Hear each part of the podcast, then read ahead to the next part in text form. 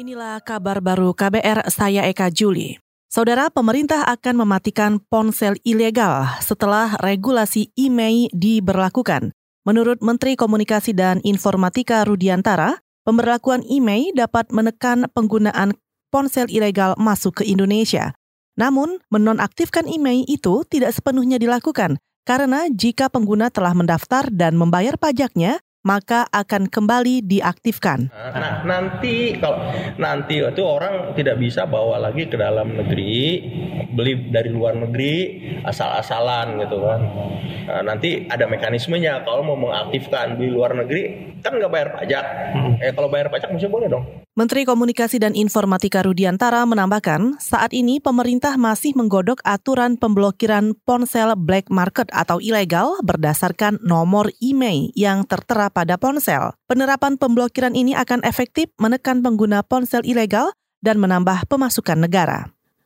Komisi Pemberantasan Korupsi telah merampungkan berkas perkara dugaan korupsi proyek kartu tanda penduduk atau KTP berbasis elektronik untuk tersangka Markus Nari Status P21 atau berkas perkara lengkap juga berlaku untuk kasus Markus Nari yang lain, yaitu dugaan merintangi penyidikan KPK. Juru bicara KPK Yuyu Andrianti mengatakan, kasus Markus Nari akan segera dilimpahkan ke pengadilan. Limpahan ya kasus uh, pengadaan paket penerapan KTP elektronik atas nama MN, anggota DPR RI. Ini uh, rencana sidangnya juga akan dilakukan di PN Jakarta Pusat. Jauh ini untuk kasus ini sudah dilakukan pemeriksaan terhadap 129 saksi dari berbagai unsur.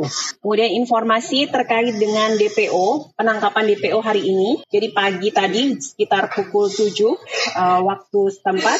Itu tadi juru bicara KPK Yuyu Andrianti. Dalam perkara ini, Markus Nari merupakan tersangka ke-8 yang ditetapkan KPK dalam kasus mega proyek kartu tanda penduduk berbasis elektronik atau IKTP. Markus diduga menerima uang suap senilai 4 miliar rupiah untuk memuluskan pembahasan, pembahasan anggaran perpanjangan proyek IKTP tahun anggaran 2013.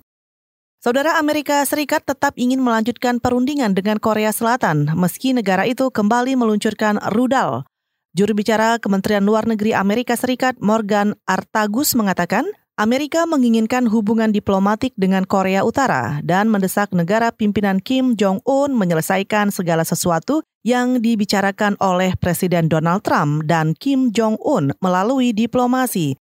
Kim dan Trump memang sudah dua kali bertemu untuk membahas perbaikan hubungan kedua negara, salah satunya dengan pelucutan nuklir di semenanjung Korea.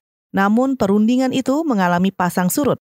Terakhir Korea Utara mengancam bakal membatalkan pembicaraan itu jika Amerika dan Korea Selatan masih terus melakukan latihan militer bersama. Saudara demikian kabar baru, saya Eka Juli.